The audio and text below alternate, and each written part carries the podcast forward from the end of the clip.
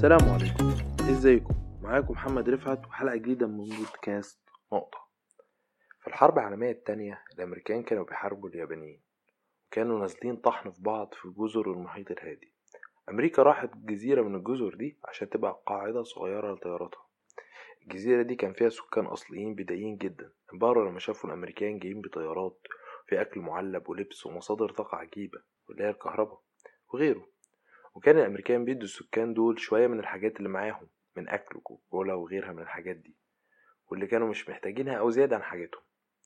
السكان قدسوا الأمريكان لأن دول كانوا بالنسبة لهم شيء فوق ما عقلهم يتحملوا بعد ما الحرب العالمية التانية خلصت وأمريكا عملت أحد أبشع الجرائم وعادي يعني الأمريكان راحوا لموا عزالهم ومشيوا ولقى السكان الأصليين الجزيرة دي نفسهم في جزيرتهم لوحدهم من تاني. بعد كذا عقد من الزمن رجع بعض المستكشفين للجزيرة دي. ولقوا سكانها عملوا ممرات وسط الغابة وعلى جوانبها مشاعل نار زي الرانوي بتاع المطارات. ووقفوا حد منهم يشاور بإيديه قدام الممر ده كأنه الراجل اللي بيوجه طيارات وهي بتتحرك في الممر. وعملوا بنت خشب نماذج للطيارات. وعملوا كوخ فيه واحد قاعد وعلى راسه نص بطيخة فاضية وفيه عصايتين كأنه الشخص اللي بيوجه الطيارات من برج المراقبة. والفكرة إنهم ما كانوش بيصنعوا شيء تقريبا. لما العلماء درسوا ده وحللوا السلوك بتاع السكان الأصليين للجزيرة دي لقوا إنهم كانوا بيعتقدوا إن الأمريكان كانوا جزء من هبة الأجداد ليهم والأمريكان دول كانوا بيعملوا حاجات وفي المقابل كان معاهم بضائع ملهاش حل. لما مشيوا قرروا إن هم يسترضوهم زي الأمريكان ما عملوا فعملوا كل شيء بيعمله الأمريكان. العلماء أطلقوا على الناس دول طائفة عبدة شحنات البضائع أو ال cargo cult. المصطلح ده بيفسر حاجات كتير من التصرفات الإنسانية في حياتنا ومجتمعنا. مثلا تلاقي شباب مبهورين بجوجل وفيسبوك وآبل يروحوا يعملوا شركات ناشئة وقد تكون فكرتها رائعة جدا. وعشان عاوزين ينجحوا يجيبوا بلاي ستيشن في الشركة و bean bags ويعملوا اجتماعات على الواقف كده يعني مفيش كراسي. وفي الآخر ممكن الشركة دي ما حدش فينا يسمع عنها أصلا. مش معنى كده إن الخطوات دي غلط بس هل ده وقتها؟ كل الشركات اللي قلت عنها من شوية بدأوا في جراشات وكانوا بيختاروا كل واحد منهم بشكل دقيق جدا. وإن الناس دي ما بتروحش تلعب غير لما فعلا محتاجة راحة بعد ما استنفذوا كل طاقتهم الإبداعية. بس كل ده مش هو اللي قصدي عليه بالتحديد. وهنا هوصل لنقطة مهمة جدا الثقافة والهوية.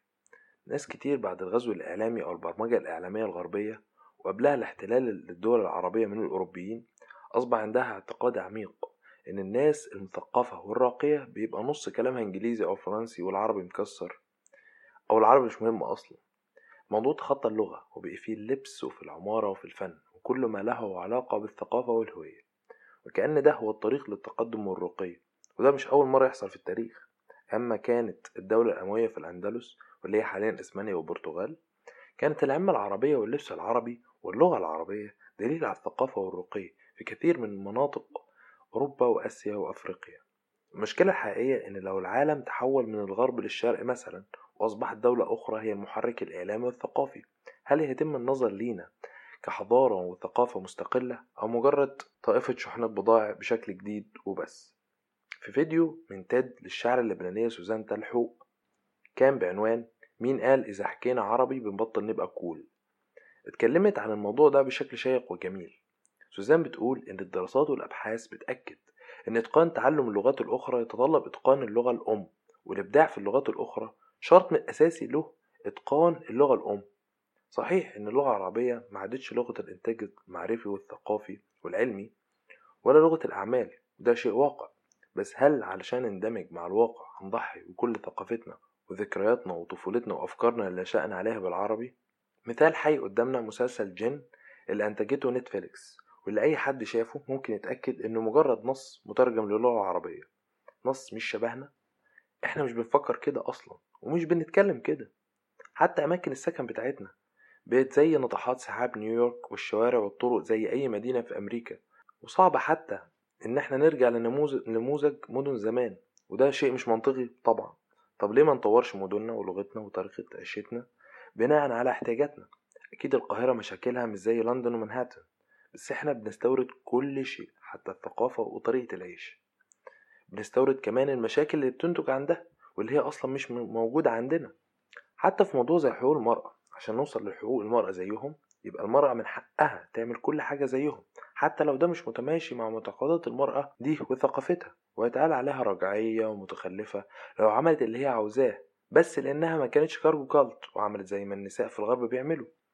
كان من فترة دكتورة اسمها رنا الدجاني بتتكلم في بودكاست فنجان عن حياة المرأة بمسطرة رجل. في جزء من كلامها كان بتقول إن المرأة المتزوجة في عالمنا العربي بتفتخر إنها حامل وبيئة العمل ممكن في الجزء الحكومي مش بتعيقها كتير وخصوصا مع القوانين المحطوطة للإجازات ورعاية الطفل عكس المجتمعات الغربية.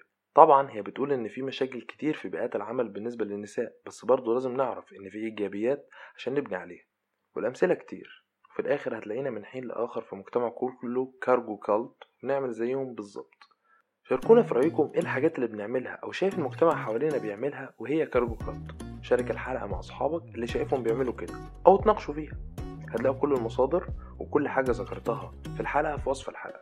تقييمكم للحلقة في المكان اللي بتسمع فيه هيوسع انتشار البودكاست بتاعنا وخصوصا iTunes.